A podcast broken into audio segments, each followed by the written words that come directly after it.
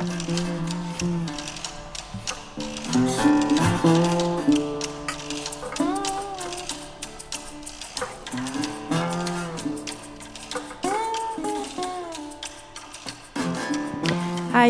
אני שני קדר, וברוכות הבאות וברוכים הבאים לפודקאסט "מה קורה בטיפול שלי". הפודקאסט שמנסה להסיר את המסתורין מעולם הטיפול. הפודקאסט מנסה להכניס שיח חדש על אתיקה טיפולית, כזה שאינו מתפשר, רדיקלי ופתוח, במטרה למנוע או להפחית פגיעות ולעזור למאזינים למצוא את המרחב הטיפולי המדויק ביותר עבורם ועבורן. מדי שבוע אני אשוחח עם דמות מעולם הטיפול שיש לה תפיסה ייחודית על המתרחש בתוך חדר הטיפולים, או זווית שעשויה להאיר אור ולהעניק צורה חדשה של התבוננות על כל הדבר המוזר הזה שנקרא טיפול נפשי, פיזי או רוחני. הפרק של היום חשוב לי במיוחד.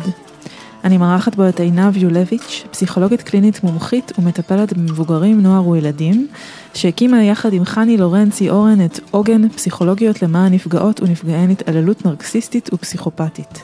בפרק שוחחנו על מערכות יחסים נרקסיסטיות שמופיעות בחדר הטיפולים, הן כמערכות יחסים בחיי המטופלים, ובין כתופעה של מטפלים ומטפלות בעלי קווים נרקסיסטיים ופסיכופתיים. למאזינים שלא יודעים, בשנה האחרונה כתבתי שני תחקירים שהתפרסמו באתר פוליטיקלי קורט על מטפלים פוגעניים, אחד מהם, ארז ארג'ונה, התאבד כאשר נודע לו על התחקיר שעומד להתפרסם. התחקירים והעדויות הרבות על פגיעה בטיפול שקיבלתי בעקבותיהם הם הסיבה שהחלטתי להקים את הפודקאסט הזה וקבוצת הפייסבוק. בפרק עינב ואני ננסה לשרטט את דמותו של המטפל בעל הקווים הפסיכופטיים והנרקסיסטיים בתקווה לעזור למי שחושד או חושדת שהיא נמצאת כרגע, או עברה טיפול שאינו מיטיב עבורה. ואולי לשים במילים את מה שהיא אולי חשה בו, אבל לא יודעת איך לתת לו שם. מקווה שתהיה לכן האזנה מועילה ומיטיבה. היי עינב. היי.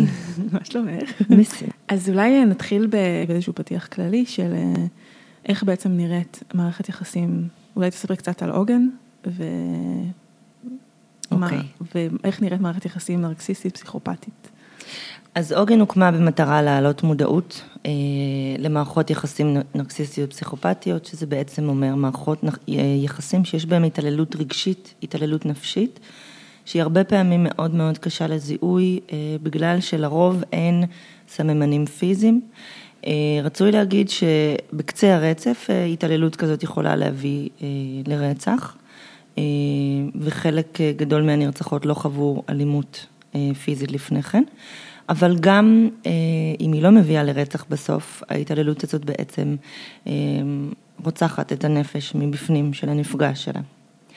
כדי להעלות מודעות הקמנו את עוגן, יש לנו אתר ויש בו הרבה מידע שנכתב על ידי נשות מקצוע ויש לנו עמוד פייסבוק אה, ואנחנו עסוקות ככה בלהעלות מודעות בתקשורת. אה, מערכת יחסים נרקסיסטית פסיכופתית אה, זו מערכת יחסים שבה יש שניים כשבניגוד למה שקורה בקשר רגיל, שיש בו לפעמים מניפולציות, או אה, איזשהו שימוש, את יודעת, אנחנו לפעמים אה, מבקשים, אולי תקפיץ אותי להורים, או תכין לי אוכל, או... מדובר במערכת יחסים שבו השימוש נמצא בבסיס המשמעותי של הקשר, השימוש באדם אחד עבור אדם אחר, כשהפוגע לא רואה את האחר כנפרד ממנו, אלא ממש ככלי אה, לשימוש שלו, לצרכים שלו. כן. ויש לציין שזה צד אחד כלפי צד אחד, זה לא, ש... זה לא two way, זה נכון, צד אחד. זה לא צריך שניים לטנגו, ממש כמו שבאלימות פיזית או אלימות מינית, זה לא אומר שצריך שניים לטנגו. אה, לא משנה מה הסיבה, אה, אין, אין שום הצדקה לדבר הזה, וזה בדרך כלל צד אחד שעושה את זה לצד השני, שזה, משום שזה מין, זה כן אה, ריקוד מסוים של אנשים בעלי מאפייני אישיות ספציפיים, שמתחברים לאנשים אחרים בעלי מאפייני אישיות ספציפיים, אבל זה, זה נשמע כאילו זה משהו מאוד נדיר, לצערי זה משהו מאוד מאוד נפוץ, בטח על כל הרצף שלו. כן. אוקיי, אז בעצם בהקשר של הפודקאסט שלנו, של מה קורה בטיפול שלי, למה זה חשוב בעינייך שמטפלים יכירו בכלל את הנושא הזה של נרקסיזם ופסיכופתיה, כל הרצף הנרקסיסטי נקרא לזה? מה שקורה זה שהיום אנחנו יודעים הרבה מאוד איך לטפל בנרקסיסט, אה, במיוחד בעולמות של ההשכלה האקדמית, אנחנו כן נוהגים להשתמש אה, בהבחנות אה, בפני עצמנו, על איך מטפלים בנרקסיסט, אנחנו לומדים על זה הרבה, משום שזו תופעה נפוצה, ואנחנו לא לומדים איך לטפל בנפגעים של הנרקסיסט, ובעצם מה שקורה זה ש... הנפגעים האלה נותרים ללא מענה. Mm-hmm. להם מאוד מאוד קשה הרבה פעמים לזהות את מה שהם עוברים, וגם מטפלים שממשיכים לטפל בהם כאילו הם נמצאים בתוך מערכת יחסים רגילה, ולא בתוך מערכת יחסים אלימה, הם בעצם מחריפים את הפגיעה. Mm-hmm. משהו נורא נורא חשוב שמאפיין מערכות יחסים כאלה, זה בלבול מאוד גדול וטשטוש של אה, תחושה של ההבנה של המציאות, זה נקרא גז לייטינג. אה, כשבעצם הפוגע או המתעלל או התוקף הוא אה, משבש לקורבן שלו את תפיסת המציאות, הרבה פעמים גם רוב הקורבנות הן, הם, אני אומרת קורבנות, אבל אפשר לקרוא להן מותקפות או מותקפים, הם אנשים מאוד מאוד מוכשרים, לא אנשים שהם מוחלשים וככה קורבן שאנחנו מדמיינות. אמ, ועדיין הם הופכים להיות באיזשהו קשר מתעלל כמין שבויים של הפוגע שלהם, שמעוות להם לגמרי את תפיסת המציאות. במשפטים כמו את מדמיינת, זה לא קרה, זה לא היה ככה, עוד פעם את עושה דרמות. וכשאנחנו כמטפלים לא מזהים שזו אלימות, ואנחנו שואלים אותה, אולי לא הבנת נכון, אולי תנסי להבין איך הוא, מה הוא התכוון ומה הוא מרגיש, או איפה זה פוגש את העולם הפנימי שלך, מה את משחזרת פה.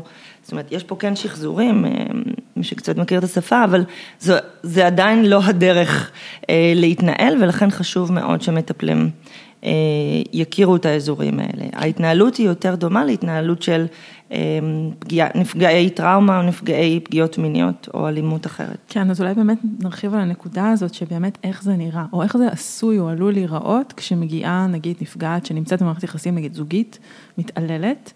אה, איך זה יכול להופיע ואיך זה יכול להיות, אולי להיראות כמו משהו אחר בתוך הקליניקה. הדבר הכי הכי הכי משמעותי שאנחנו נשים לב לאיך זה נראה, זה שהנפגעת מבולבלת. היא כל הזמן מרגישה אשמה, היא לא מבינה למה, היא כל הזמן מנסה להיטיב את מערכת היחסים שלה או להבין איפה היא לא בסדר, והיא יכולה לנוע בין להאשים אותו, להאשים את עצמה, אה, אבל התחושה היא שהיא מאוד מאוד מבולבלת, למרות שהיא אה, הרבה פעמים אישה מאוד מאוד מוכשרת, רהוטה, אה, אינטליגנטית, והיא לא יודעת כל כך מה המציאות. היא לא יודעת האם להחליט מה שהיא חושבת שנכון, או להקשיב למה שהוא חושב שנכון, האם לרצות אותו, האם לא לרצות אותו. אמ, הרבה פעמים יש סימפטומים מאוד מאוד אה, חמורים. וזה יכול ממש להיראות כמו דיכאון, זה יכול להיראות כמו חרדה. לגמרי, לגמרי, לגמרי. כל התופעות שאנחנו מכירים שנובעים ממצוקה מאוד קשה, זאת אומרת אה, התנהגות פוסט-טראומטית, אה, קשיי שינה, דיכאון, חרדה.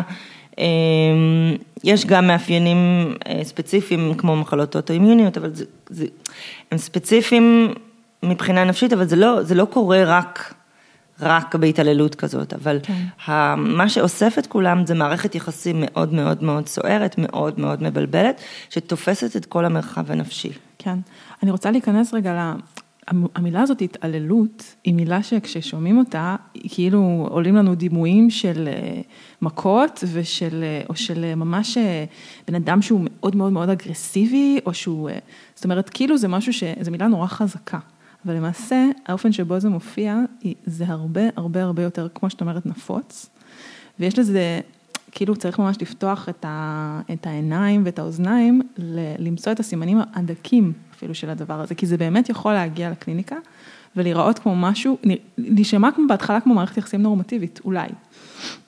אז כאילו איך כמטפלים ממש אנחנו יכולות להבדיל ולשים לב כאילו ממש לדברים ה... כאילו יכול להיות שנגיד היא תגיד גם אני מתעללת בו, גם אני צועקת עליו, גם אני כועסת עליו או... כן, אה, יש אה, סיכוי מאוד גדול שהיא תגיד גם אני מתעללת בו, כן. כי בדיוק כל העניין הוא, יש כמה סימפטומים קלאסיים, אז קודם כל באמת הבלבול הוא כמעט הסימפטום הכי אה, בולט, האשמה העצמית המאוד מאוד גדולה, קשר שהוא ups and downs כל הזמן, מאוד מאוד מאוד סוער, כשיש הרבה בגידות, שקרים, הסתרות, כשאין אמפתיה בכלל, שהוא לא רואה אותה. אה, אין אמפתיה כשהוא מקטין אותה, כשכואב לה, כשקשה לה, שהוא לא נמצא איתה אה, במצבים כאלה. אה, אלה מאפיינים של קשר מתעלל, אבל בסופו של דבר מה שקובע אם הוא מתעלל זה בעצם הסימפטומים החמורים של הנפגעת. אוקיי, okay, אז בעצם אנחנו בואו ניתן איזה רקע, משהו מתוך הכשרה של אה, מטפלים, הרבה פעמים אנחנו מאוד מאוד נזהרים בהבחנות, בדבר הזה שנקרא הבחנה. גם עבור המטפל, המטופל שמגיע או מטופלת שמגיעה, אנחנו לא נוטים לאבחן או לתת שם ספציפי, ברור, מכל מיני סיבות אתיות כאלה ואחרות, בגלל ההיסטוריה של פוגענות בטיפול, בגלל ההיסטוריה של תיוגים פסיכיאטריים. אז הטיפול היום אה, פחות נוהג לעשות את זה. אבל במקרה הזה של יחסים אה, פסיכופטיים נרקסיסטיים, אני חושבת שיש פה משהו אחר. אה, דווקא אולי השיום, אה, בעיקר כשזה, כשזה עבור אדם שלא נמצא איתנו בקליניקה, אנחנו מקבלים, מקבלות בעצם את, ה, את הנפגעת שלו, או את הנפגע שלו, mm-hmm. שלה. אז דווקא פה כן חשוב לתת שם לתופעה. וגם לחלוק אותה עם, ה, עם מי שמגיע לקליניקה. אז את יכולה להגיד כמה מילים למה ומה בעצם מיוחד במקרה הזה, מה שונה במקרה הזה? כן, קודם כל זה נורא חשוב מה שאמרת, שאנחנו נותנים שם לתופעה. המטרה בשיום היא לא להכפיש אה, את הפוגע, אם כי חלקם ניתן להכפישם ואולי מגיע להם, אבל זאת לא המטרה שלנו, אנחנו לא עסוקות בפוגע, המטרה שלנו היא לעזור לנפגעת. ובעצם לתת שם זה לתת קרקע יציבה. הנפגעת שלנו מגיעה אלינו בתוך סערה, או היא מעורפלת, היא לא בתוך ערפל, ולתת שם זה לתת לה מה לדרוך עליו, כאילו משהו לדרוך עליו, משהו שיכול לתת לה כיוון, או לתת לה עוגן, אם תרצי, mm-hmm. לקרקע אותה, אוקיי? עכשיו, אנחנו לא רק נותנות שמות, טוב, זה נראה לי כך וכך. אנחנו מלמדות איך להסתכל על זה, ומה, איפה לראות את הדפוסים והמניפולציות, ויש דפוסים מאוד מאוד ספציפיים.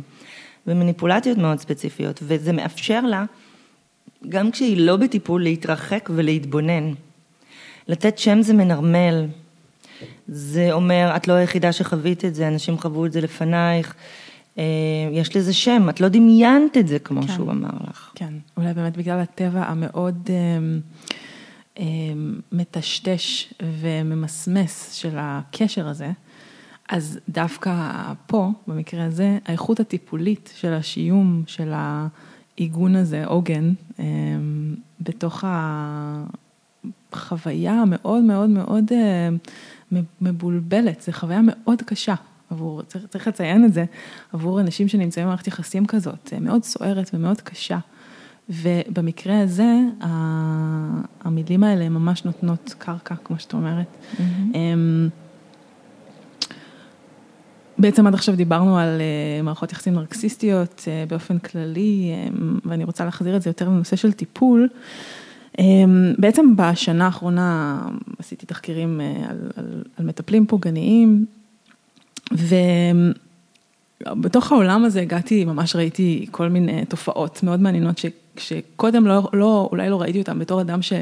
אני מקבלת המון המון המון עדויות על אה, פגיעות בטיפול, אה, חמורות יותר ופחות, בין פגיעות אתיות אה, אפורות לבין ממש מעשים קשים כמו אונס ואלימות פיזית. ובאמת מה שמדהים אותי וכאילו אולי קצת מקשר אותנו לנושא הזה, זה עד כמה גדולה כמות האשמה שמגיעה כשמישהי או מישהו נפגע בתוך setting טיפולי. כשהאדם הפוגע הוא המטפל. אה, כמה, כמה אשמה יש שם וכמה כאילו בעצם... על מה אה, האשמה? כי זה, את יודעת, הסטינג הטיפולי זה כאילו המקום הכי ברור שהיא לא אשמה. כן. וזה מעניין שאת מדברת דווקא קודם כל על האשמה. כי אני חושבת שמה שאני שומעת שוב ושוב, זה הוא לא בן אדם רע. אני שומעת המון את המשפט הזה, כאילו הוא לא התכוון, הוא המטפל שלי. אני משלמת כסף לאדם הזה שיעזור לי. ו... והפגיעה שם, ואני אני, אני, אני כל הזמן חושבת על זה שהפגיעה בתוך חדר הטיפולים היא שנייה בחומרתה לפגיעה על ידי הורה.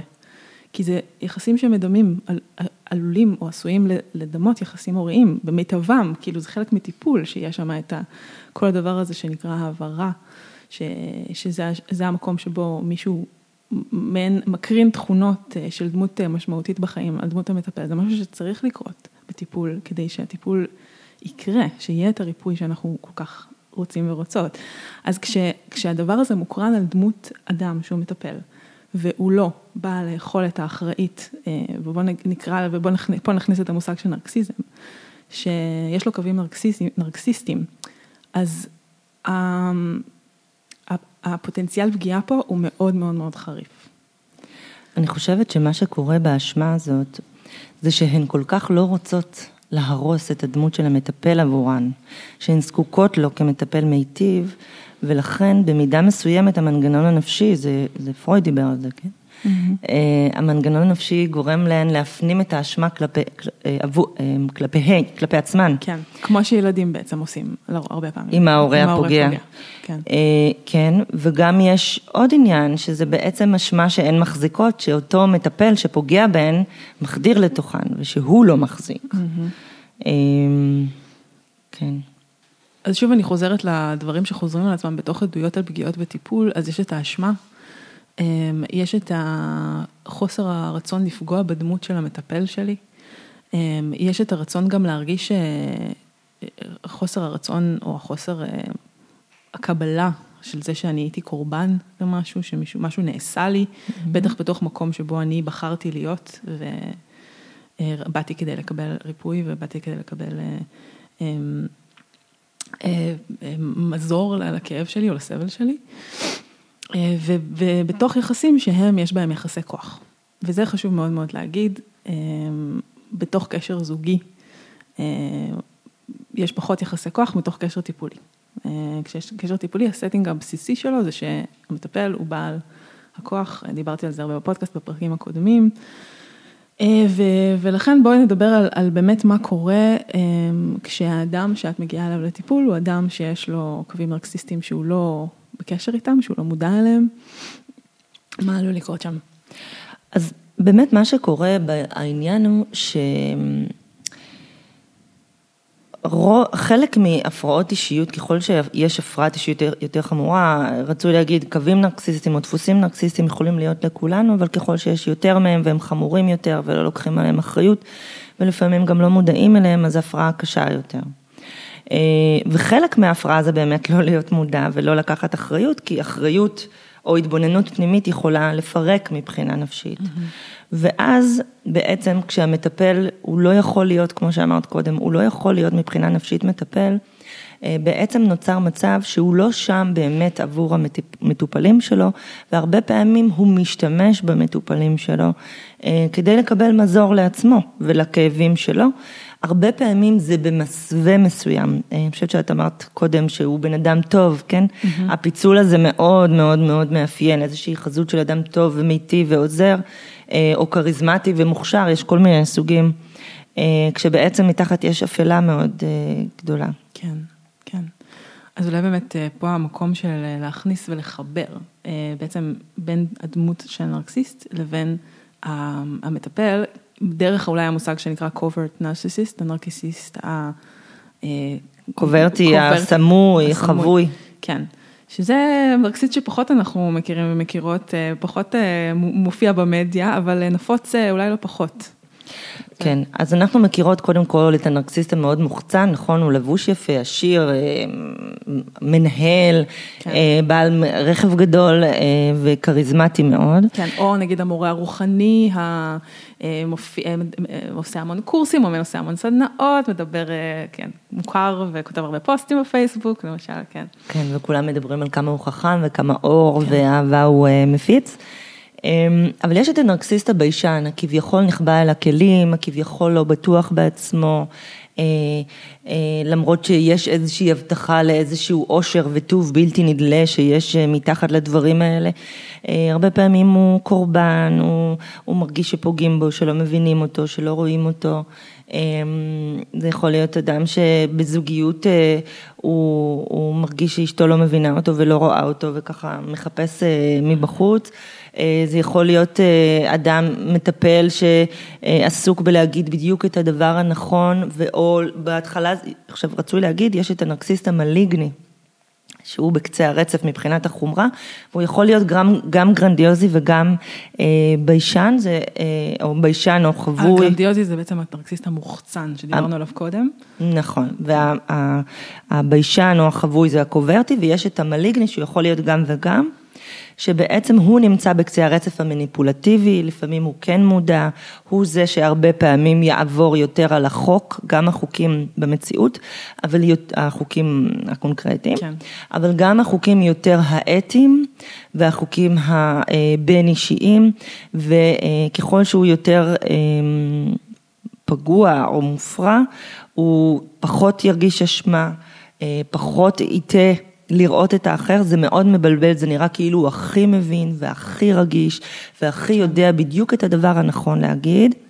אבל העניין הוא שהוא באמת יודע את הדבר הנכון להגיד, והוא באמת יודע להיראות כמו, כאילו שהוא רגיש וכאילו שהוא אמפתי, אבל בפועל הוא משתמש בכל הדברים האלה כדי ללמוד על הנפגע שלו אה, וכדי לקחת ממנו משהו. כן.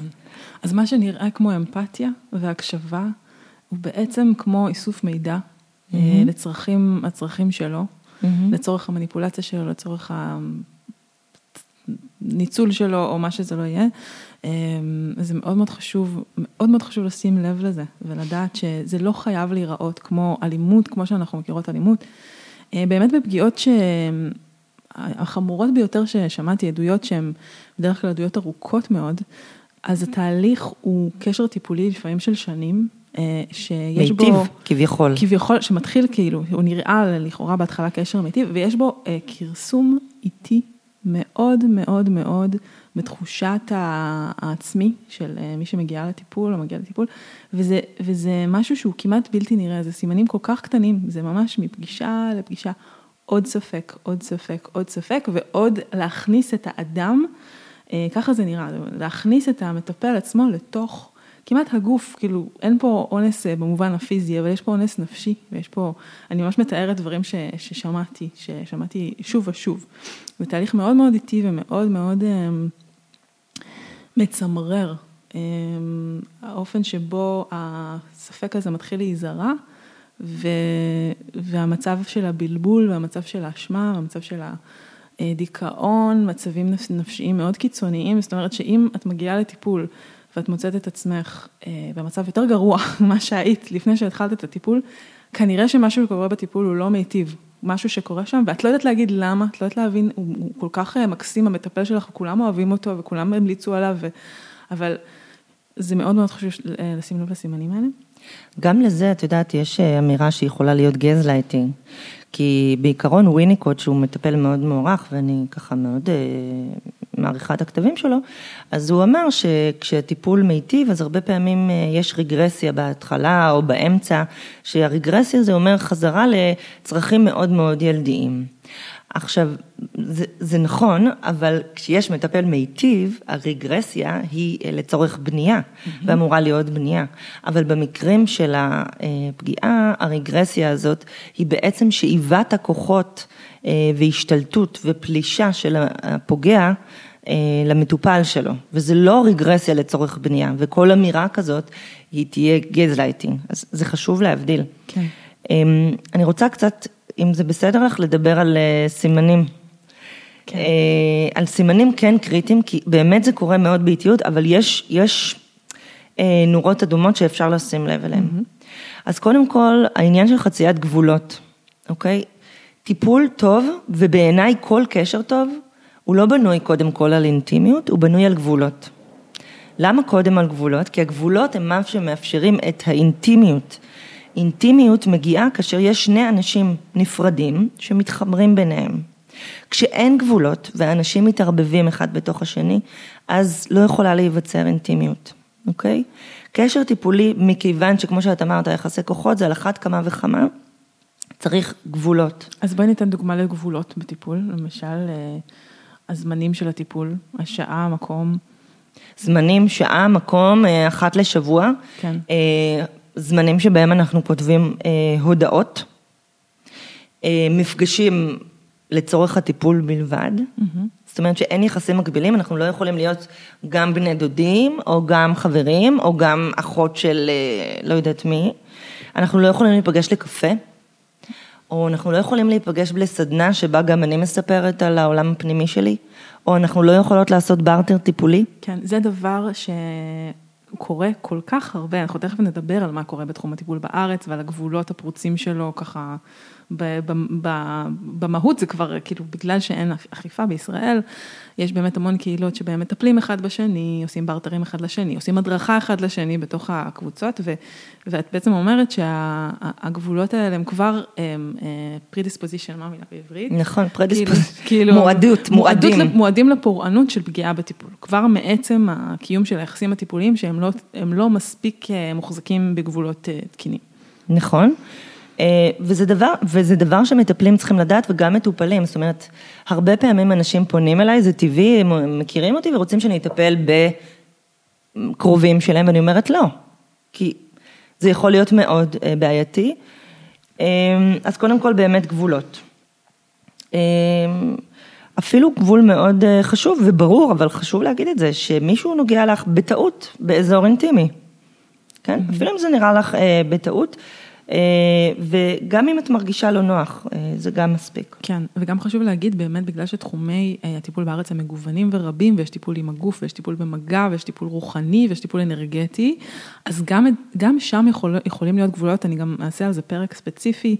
אמ, לא חי... זה שאדם הוא מגדיר את עצמו כמטפל במגע, זה לא אומר שהוא יכול לעשות כל שעולה על רוחו עם הגוף שלכם, עם ה... עם ה... אה, בתוך, בתוך אה, חלק שהוגדר שיש בו טיפול במגע, גם זה משהו שרצוי אה, וחיוני שדברו עליו מראש ויהיה ברור מה הולך לקרות בכל שלב, שאפשר לעצור בכל שלב, זה גם חלק מגבולות. נכון.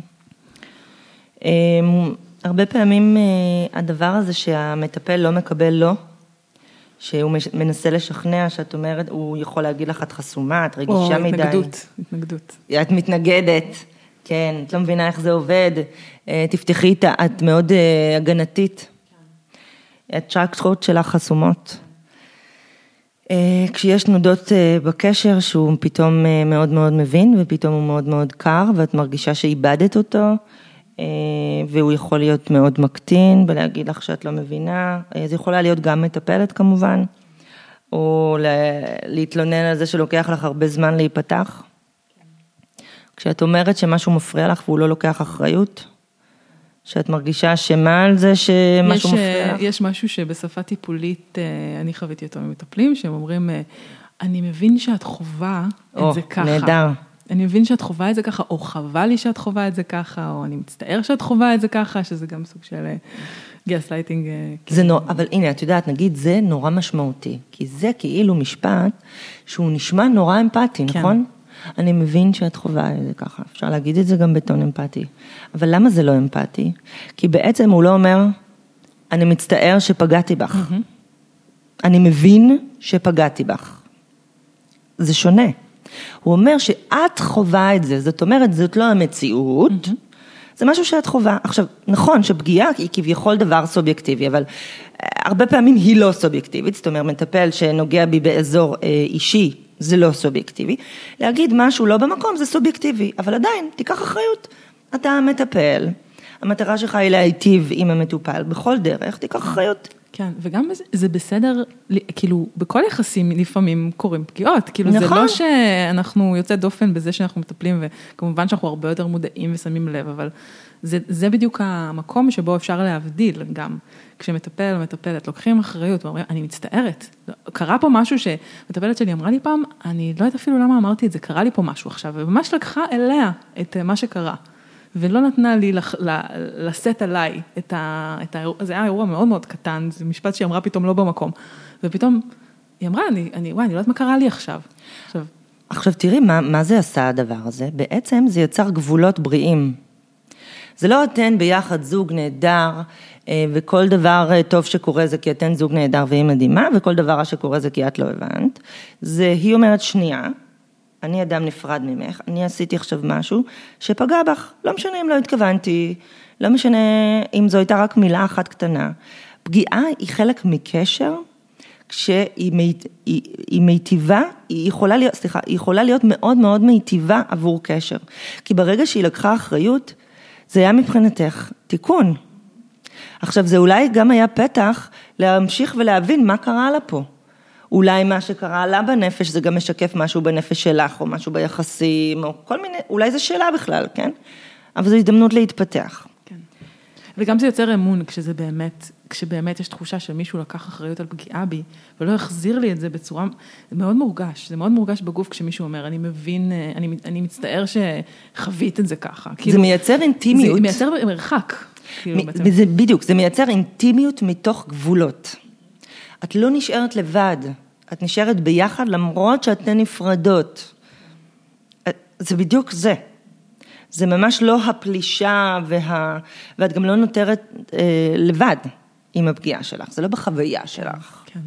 כן, שזה גם משהו ששמעתי שוב ושוב, התחושה של הלבד, התחושה שאני משוגעת, התחושה שמשהו איתי לא בסדר, אני לא מבינה פשוט את המציאות כמו שצריך, כי זה לעמוד מול, אה, אני חושבת שנרקסיסטים מביאים איתם אה, המון, אה, כאילו אמונה בעצמי, זה נראה כאילו העצמי שלהם מאוד כזה שלם, ברור, סגור על עצמו, אי אפשר להתווכח איתם, הם, הם, התפיסת מציאות שלהם מאוד מאוד כאילו נראית.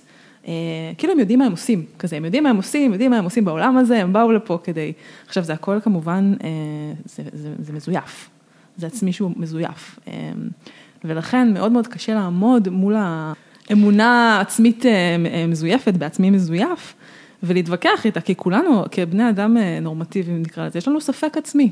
Mm-hmm. ונרקסיסטים, בטח כשהם מטפלים, כש... וזה מדהים, כי הם יכולים לבוא אפילו ללא שום הכשרה. כמטפל בלי אפס הכשרה. אה, למשל ארז ארג'ונה, תכף נדבר עליו, הוא כאילו אדם שלא הייתה לו שום הכשרה טיפולית, הוא פשוט אה, החליט שהוא מטפל אנרגטי, מדעת, על דעת עצמו, ובנה קריירה שלמה, שלמה, כמטפל, אה, מוביל בישראל, על סמך זה שהוא החליט שהוא מטפל. ונורא קשה לבוא לאדם, להגיד, סליחה, מה, מה, איפה למדת? כאילו, מה, מי אתה? זה, זה כוח חזק מאוד שקשה לעמוד מולו. תראי, אה, אני באמת לא מכירה את ארז ארג'ונה ספציפית, אבל גם בהחלטה אה, שאני כנראה בעל כישרון מיוחד ואני יכול להיות אה, מטפל, היא החלטה שיש בה איזשהו משהו נרקסיסטי. עכשיו, תראי, יש נרקסיזם בריא. בסדר? היכולת להעז, אה, היכולת לחשוב שמשהו מגיע לי ונכון לי, אה, שמגיע לי לנוח היום ולא ללכת לעבודה כי אני לא מרגישה טוב. אה, היכולת ליצור, לכתוב סיפור, להעז, להתלבש יפה, להתלבש יפה, זה נרקסיזם שהוא נרקסיזם בריא. יש, אבל היכולת, אבל כשאנחנו לא רואים את הספקות, כשאנחנו לא... בודקים את עצמנו, כשאנחנו עושים דברים שהם מעבר להכשרה או ליכולת שלנו, זה כבר נרקסיזם שהוא אה, בעייתי. שם אנחנו צריכים להתחיל אה, להיזהר. כשאדם נראה לנו בטוח מדי, אדם שהוא באמת בטוח בעצמו, אני אומרת את זה כפסיכולוגית, הוא יכול להתבונן פנימה, והוא יכול להקשיב, והוא יכול להתווכח בלהט, אבל גם לקבל את זה שלמישהו אחר יש דעה אחרת, ושבעיניו היא נכונה לגמרי כמו הדעה שלך. אה, והוא יכול להתבונן כשאתה אומר לו משהו ולחשוב על מה שאמרת. אדם שיש לו כביכול דעה אחת סדורה ושהוא מרצה לכולם והוא יודע הכל והכל אצלו נכון, זה כבר אה, מעלה חשד כן. מאוד מאוד גדול. וזה אולי מביא אותנו לנושא הזה של אה, אולי גורואים. אמ, לא בכדי אה, גורואים אה, בעולם הרוחני, כאילו מה שאת אומרת עכשיו, איזשהו מקום של רפלקסיה עצמית, כשאדם בא וטוען שהוא מקבל את המסרים שלו, את הידע שלו ממימד אחר, מאיזושהי ישות אה, נפרדת, או ישות על, על ישות, כל מיני כאלה, אמ, עם הרבה באמת כבוד ואהבה לעולם הרוחני שיש לי, אבל אמ, כאילו בעצם אין שום דרך בכלל להתווכח עם זה, זאת אומרת, כאילו, הוא מקבל את המסרים מתוך המקום, הוא יכול לעשות מה שהוא רוצה. אה, לי קרה מקרה שהגעתי לטיפול, ומטפל אה, אה, היה, הוא בעצם תקשר לי משהו שלא ביקשתי, הוא אמר לי, נפגעת מינית בילדות, זה את היית. זאת הייתי אני, ואני, עכשיו לא ביקשתי את הדבר הזה, אבל, אבל אני, הוא יודע, מה זאת אומרת, הוא אומר משהו שהוא יודע. הוא, הוא, למה שהוא יגיד לי כזה דבר אם הוא לא, הרי הוא, הוא מקבל את המסר הזה. עכשיו, אני אדם ספקן, אני אדם שכאילו יכול אה, להטיל ספק ויחסית אה, עם שתי רגליים על הקרקע, ועדיין יש משהו מאוד מאוד מפתה בהליכה אחר גורים. אנחנו רוצים מישהו שהוא ידע את הכל וייתן לנו את כל התשובות. כן. גם אני רוצה. כי אז אני אוכל לנוח קצת, האקזיסטנציאליסטים, הם מדברים על הבעיה בחופש. יש לנו חופש בחירה, ואז אנחנו יכולים לעשות טעויות, ואם אנחנו עושים טעויות, האחריות היא עלינו. אנחנו רוצים איזשהו אב גדול, שיודע הכל, וינחה אותנו לעשות את הדבר הנכון. עכשיו, אני לא יודעת, אולי יש אב כזה, אולי יש אלוהים, אני לא יודעת, ואני אפילו, אני אפילו לא מטילה בזה ספק, כן? אבל אני מדברת על הצורך האנושי כרגע, שיהיה מישהו כזה. ובעצם כשמישהו אומר לנו, את, עכשיו יכול להיות, יכול להיות עקרונית שיש מישהו שמקבל מסרים, אבל אם הוא היה מקבל מסרים באמת ממישהו, אז הוא לא היה משתמש בהם כדי לפגוע בנו. עכשיו, עצם האמירה שהוא מקבל מסרים והוא יגיד לנו מה נכון, יש בה גם אה, מקום נרקסיסטי, נכון? כי זה אומר, אני הנבחר, אני אתן לכם את הידע שלי, זה בדיוק המקום הנרקסיסטי, mm-hmm. אוקיי? המקום שממנו צריך לבוא מטפל, או אדם שהוא מורה, אני יכולה להסתכל על גורו כמורה לחיים, אני בטוחה שיש הרבה גורים שהם נהדרים. המקום שממנו הוא צריך לבוא זה מקום של אה, צניעות, שבו הוא שואל את הבן אדם מה נכון לו, כי הוא רק אנושי. גם אם הוא מקבל מסרים מאיזושהי ישות אלוהית, הוא עדיין רק אנושי, אולי הוא לא הבין לגמרי, אולי, לא יודעת. Mm-hmm. תמיד צריך להסתכל על הבן אדם שמולך ולשאול אותו. ומה שקורה בפועל זה הרבה פעמים השלכות של הרבה אנשים פגועים, אה, שהם בדמות מטפל או מורה רוחני, והם משליכים על המטופלת שלהם או על המטופל שלהם את מה שהם היו רוצים שהם יהיו. אה, וזה מין הסעה, סוגסטיה, mm-hmm. שהם הופכים אותם להיות מה שהם רוצים שהם יהיו. כן, הסעה זה, זה כוח אה, בלתי מודע שמופעל על האחר, בלי שהוא יודע שהכוח הזה מופעל, משתמשים בזה בפרסום למשל.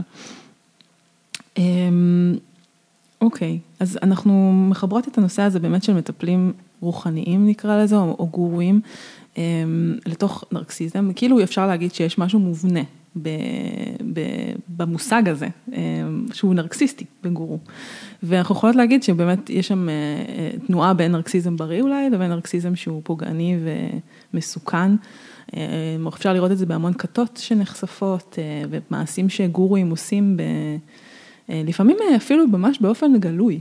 זאת אומרת, כאילו אפילו לא בתחושה שמשהו שאני עושה הוא לא בסדר, אלא ממש... זה המקום ה... באמת אין להם בוחן מציאות תקין, אז הם אפילו לא מסתירים לפעמים את מה שהם עושים, כי הם כל כך מרגישים שהם באמת נבחרים. שוב, זו הרגשה מסוימת, מתחת לזה הם מרגישים אה, חסרי יכולת ולא שווים כלום, אחרת הם לא היו מתנהלים ככה, כן? כן? זה איזשהו פיצול. כן, אז בואו נקרקע את זה לעולם שאנחנו מכירים, מכירות מהפייסבוק למשל, מחרשתות חברתיות, אנחנו רואות הרבה מאוד אנשים שמשווקים את עצמם אה, כמטפלים בכל מיני תחומים. אה, ובאמת בישראל, אה, הגבול הזה בין גורו למטפל הוא מאוד מאוד מטושטש, כי הרבה מהם אנשים שגם מקבלים אה, להם לקליניקה. אנשים, הדרך השיווקית היום שהיא נפוצה זה בעצם לפרסם את עצמי, לפרסם הגיגים שלי, כל מיני לא מחשבות, אפילו אנשים מפרסמים מקרים שקרו להם בקליניקה, כאילו שהגיעו להם אנשים בצורה פומבית שזה גם לא אתי למעשה. ו... מרים הודעות? מרים הודעות, כן, הרבה כזה הודעות של איך עזרת לי, איך, וואי, היה מדהים, יצאתי מהטיפול. אה. זה נורא נורא משתמש, נכון? כן. כאילו, גם אם מקבלים אישור מהמטופל, יש פה בעיה אתית, כי לבקש דבר כזה מהמטופל, זה לא כדי לפרסם מחקר, שלפעמים צריך לתיאור מקרה, או לפרסם ספר, או כן. מאמר, זה כדי לפרסם את עצמך. כן. אתה בעצם משתמש בנפש שלו ובכאב שלו כדי לפרסם את עצמך. כן, אז אנחנו יכולות בעצם להגיד המילה הזאת שימוש, זו מילה שבה אנחנו יכולות לשים לב, האם האדם שאני מגיעה אליו, מבקשת ממנו אה, שירות אה, או טיפול, או אפילו קורס אונליין, כן, אה, כמה הוא, הוא מודע לכוח שלו, אפשר להגיד, כמה מודע לסוגסטיה הזאת, וכמה הוא יודע לקחת אחריות על עצמו, ו... באיזשהו מקום אמ, לא להפוך להיות התורה, כאילו לא להפוך להיות, כאילו, לא לשכוח את האנושיות שלו, לא לשכוח את, אה, את זה שהוא בסך הכל בן אדם, גם אם יש לו ידע, גם אם יש לו מה להעביר ומה לתרום. אני גם חושבת הרבה על המושגים שמשתמשים בעולם הזה, שזה מתנה. יש לי מתנה לתת לעולם, יש לי... כמה הדברים האלה, המונחים האלה יכולים לערבב. אני דבר נהדר ואני צריך לתת אותו לעולם. כן, הייעוד שלי, אה, זה מילים שהן אה, יכולות אה, לייצר מצב שבו אני והדבר שאני עושה מתערבבים לכדי איזה, איזה ישות אחת ש, ש, שיש לה כאילו תפקיד בעולם הזה, ו, וכל השאר כאילו מסתדר לפי זה, אני כבר לא ביחסים, אני כאילו באה ואני, אני אני, אני, אני הנביא, אני הגורו. כאילו. כשהגורו או המטפל או הנביא הוא כן. במרכז, בדיוק. כאן מתחילה להיות הבעיה. כן. כי כשיש לנו טיפול, או כשאנחנו באים לעזור למישהו, הוא אמור להיות במרכז. ואנחנו במידה מסוימת אמורים להיות קרקע שעליה הוא אה, דורך, לא מלשון להקטין, אלא משהו יציב שמאפשר לו לגדול. אנחנו אמורים לתת את הדשן, אה, את המים, אבל הוא זה שגדל. כשאנחנו הגדולים, הוא נשאר קטן. אה, וזה יכול לקרות בכל הטיפולים, זה לא רק בטיפולים אלטרנטיביים. וזה נורא חשוב. נכון, ובאמת בטיפולים, שמענו על מקרים קשים ונוראים של מטפלים מאוד, אה, אה, שפסיכולוגים קליניים שפגעו ואנסו, וזה באמת המקום שחשוב מאוד מאוד לשים לב אליו. כאילו לראות האם זה עבורי או האם זה עבורו. כאילו, זאת השאלה המרכזית ב... אני חושבת שבכל יחסים, כן? אבל ספציפית ביחסים, יחסים טיפוליים. אז בואי נדבר איך זה נראה כשמטפל פוגע, איך הסמ- הסממנים של אה, אדם כזה, שהוא... אה, אוקיי. אז אדם כזה, בעצם הרבה פעמים, הוא יכול להרגיש כלפי חוץ אה, מאוד בטוח בעצמו, והוא יכול גם להרגיש שלא. הוא יכול להרגיש מאוד אה, חששה, וזה היה בעצם הקוברטי שדיברנו עליו קודם, מאוד חששן. להרגיש, את מתכוונת שלא הוא מרגיש, אלא שהאדם של- שפוגש שאדם אותו ש- מרגיש. כן. מאוד אה, עדין וחושש וזהיר ונחמד, אבל בשני המקרים יש להם תנודות מאוד גדולות בערך העצמי. גם זה שנראה כלפי חוץ הכי בטוח בעצמו בעולם, הוא בעצם הרבה פעמים אה, מתחת לזה, חסר ביטחון אה, ברמה מצמיתה. וגם זה שנראה חסר ביטחון, אה, אבל הוא הנרקסיסט הקוברטי, הוא הרבה פעמים אה, חושב שהוא מיוחד ומגיע לו דברים ואחרים נמצאים לשירותו. כן. אה, זאת אומרת, תנודות מאוד מאוד חזקות אה, בערך העצמי.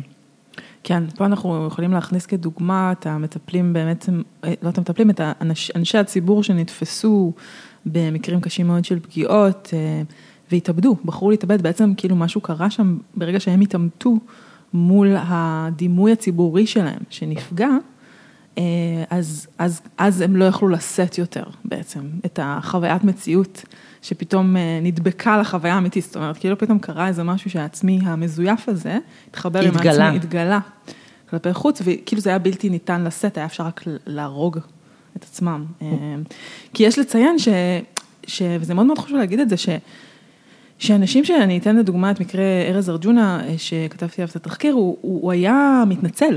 לא מעט, אה, בכל מיני צורות, הוא היה מתנצל, הוא היה רוצה לעשות תהליכים של גישור, הוא המון לאורך השנים אימתו אותו עם המעשים שהוא עשה, ו, והוא, והוא התנצל, זה היה נראה לאנשים, אה, אוקיי, הוא כנראה בסדר, הוא כנראה הפסיק לעשות את זה, הוא כנראה...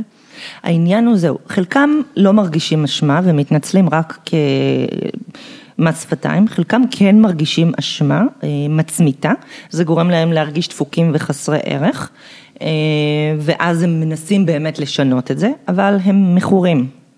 הם מכורים לתחושה שהם מיוחדים. הם מכורים לתחושה שהם אה, יכולים לשלוט באחר ולגרום לו לעשות משהו. הם, זה בעצם, הפגיעות המיניות הן הרבה, הן בעצם פגיעה של אלימות, זה לא באמת מיני. כן. יש חיבור, אה, קרנברג, לא משנה, אוטו קרנברג הוא, הוא תיאורטיקן שמדבר הרבה על הנרקסיזם והוא אומר, אצל אנשים אה, בעלי הפרעות אישיות קשות יש חיבור בין האלימות למיניות, כן? אבל התחושה היא תחושה של סיפוק משימוש באדם אחר, תחושה של ערך מלשלוט על אדם אחר, לראות איך אתה מפעיל אדם אחר, והם פשוט מכורים לזה. זאת אומרת, גם אם הם מתנצלים, הם לא באמת מפסיקים, אין לזה שום משמעות. כן, זה בעצם הדרך אה, לשלוט בסיטואציה. נכון. פשוט להוריד מעצמם כרגע את האש, כדי שהם בעצם יוכלו להמשיך אה, נכון. לקיים את העצמי המזויף הזה ולהיות, אה, כן. נכון, ראוי להגיד, תראי, חלקם עושים את זה בצורה מתוכננת וקרה, חלקם לא. חלקם באמת מרגישים אשמה, אומרים אני לא אעשה את זה שוב, מלקים את עצמם באופן קשה ביותר, וחמש דקות אחרי זה, או את יודעת, שבוע אחרי זה, עוד פעם הם מרגישים איזשהו צורך בסם הזה, והם עושים את זה שוב, זאת אומרת, זה לא באמת התנצלות, זה לא באמת לקיחת אחריות, אה, זה פשוט עניין רגעי, והם משתחררים מזה. אוקיי, אז אנחנו לא, אז כחלק מהסממנים אנחנו לא מתרגשות מההתנצלויות, זה לא בעצם אומר שום דבר, זה יכול להיות במשהו שהוא לחלוטין, אה, לא, לא, לא חשוב. נכון. אנשים כאלה הם בעצם יכולים הרבה פעמים מאוד מאוד להבין את האחר. תראי, חשוב להבין משהו. אנשים שפוגעים ואנשים שנפגעים, הם הרבה פעמים באים מאותו מקום. אה, אני לא מדברת רגע רק על המטפלים והמטופלים, אני מדברת גם באופן כללי. זאת אומרת, להרבה מהם יש הורים שגרמו להם כל הזמן לראות את האחר. ואז באופן טבעי הרבה מהם הולכים להיות מטפלים, אלה שרואים את האחר. אז יש את אלה שרואים את האחר בצורה טובה ויכולים לשמור על עצמם, יש את אלה שיותר פגועים, שרואים את האחר והם מוחקים את עצמם עבור האחר, ויש את אלה שרואים את האחר מאוד, כי ככה הם גדלו, אבל הם לא מרגישים אמפתיה לאחר. והם גם הופכים להיות מטפלים. בעצם אלה הרבה פעמים הפוגעים שלנו. זאת אומרת, הם רואים את האחר, הם יודעים את הדבר הנכון להגיד, הם, הם מבינים מה האחר מרגיש, אבל הם לא מרגישים את האמפתיה.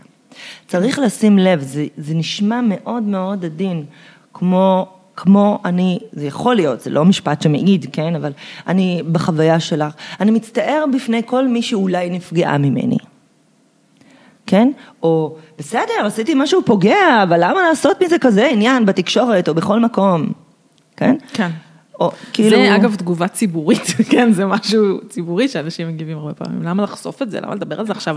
למה עכשיו? למה דיבר? כל זה, כאילו, אנחנו מכירות אה, היטב. כן, אבל זה לא באמת אמפתיה, זה מתחפש לאמפתיה. זה נראה כמו אמפתיה, זה נראה כמו לקיחת אה, אחריות.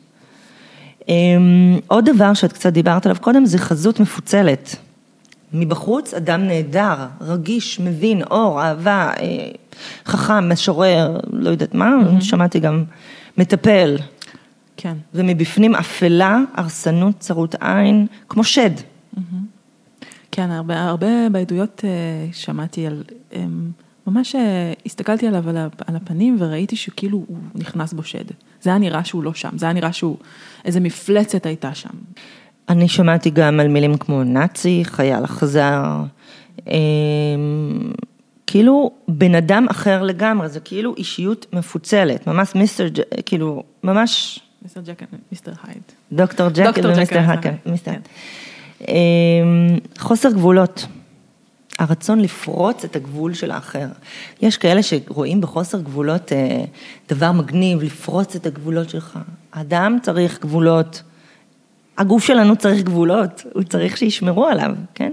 הפריצת גבולות הזאת, ההתערבבות הזאת, היא דבר שמאוד מאוד מאפיין, וגם הנאה מזה אה, מאוד מאוד אה, מאפיין את הפוגעים. כן. אני רוצה באמת להכניס פה גם שוב את העניין הזה של אה, שיטות טיפול, יש הרבה שיטות טיפול היום שהן אינטגרטיביות, משלבות כל מיני סוגים של טיפול, האם זה נכון להגיע לכל מיני קבוצות שהן סדנאות והן מייצרים מצבים של קתרזיסים מאוד חזקים. הגבולות שלנו, קודם כל, שאנחנו צריכות וצריכים להחזיק בתוך עצמנו מה נכון לנו, ולא לתת לאדם שמטפל או אדם שמחזיק סדנה, לקבוע את הגבולות. אז זה גם חשוב מאוד, כאילו כל אחד לשאול את עצמו מה נכון לי לפני כל מפגש טיפולי, לפני כל אה, הליכה לתוך מרחב שהוא טיפולי או סדנאי.